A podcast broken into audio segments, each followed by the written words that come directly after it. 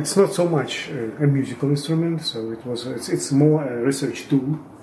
And uh, the main main idea of the instrument uh, to explore the relationship uh, between complicated musical intervals and the human perception of uh, the sounds these intervals uh, can produce.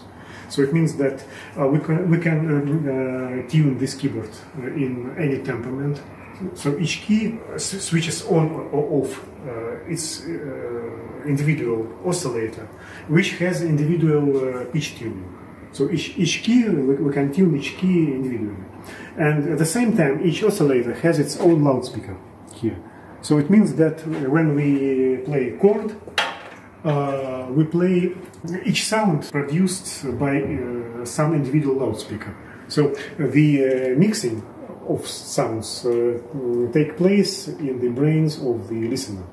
So if we hear any beating or any special uh, distortion, uh, it means that the distortion comes not from the uh, non-linearity of uh, amplifier or mixer, but uh, as a result of the interpretation of the intervals by our brains, which can also give us some experience of spatial sound, because each loudspeaker is uh, separated in space. This uh, device just the sine wave oscillator.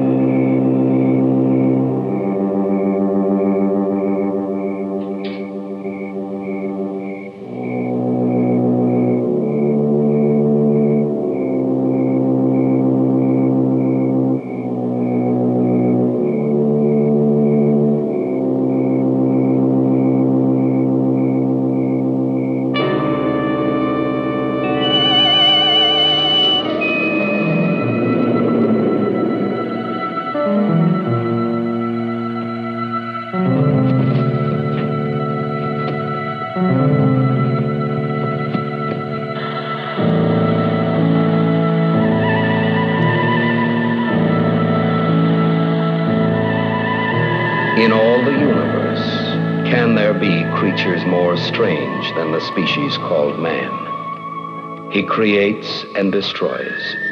He fumbles and makes mistakes. But the thing which distinguishes him is his ability to learn from his mistakes.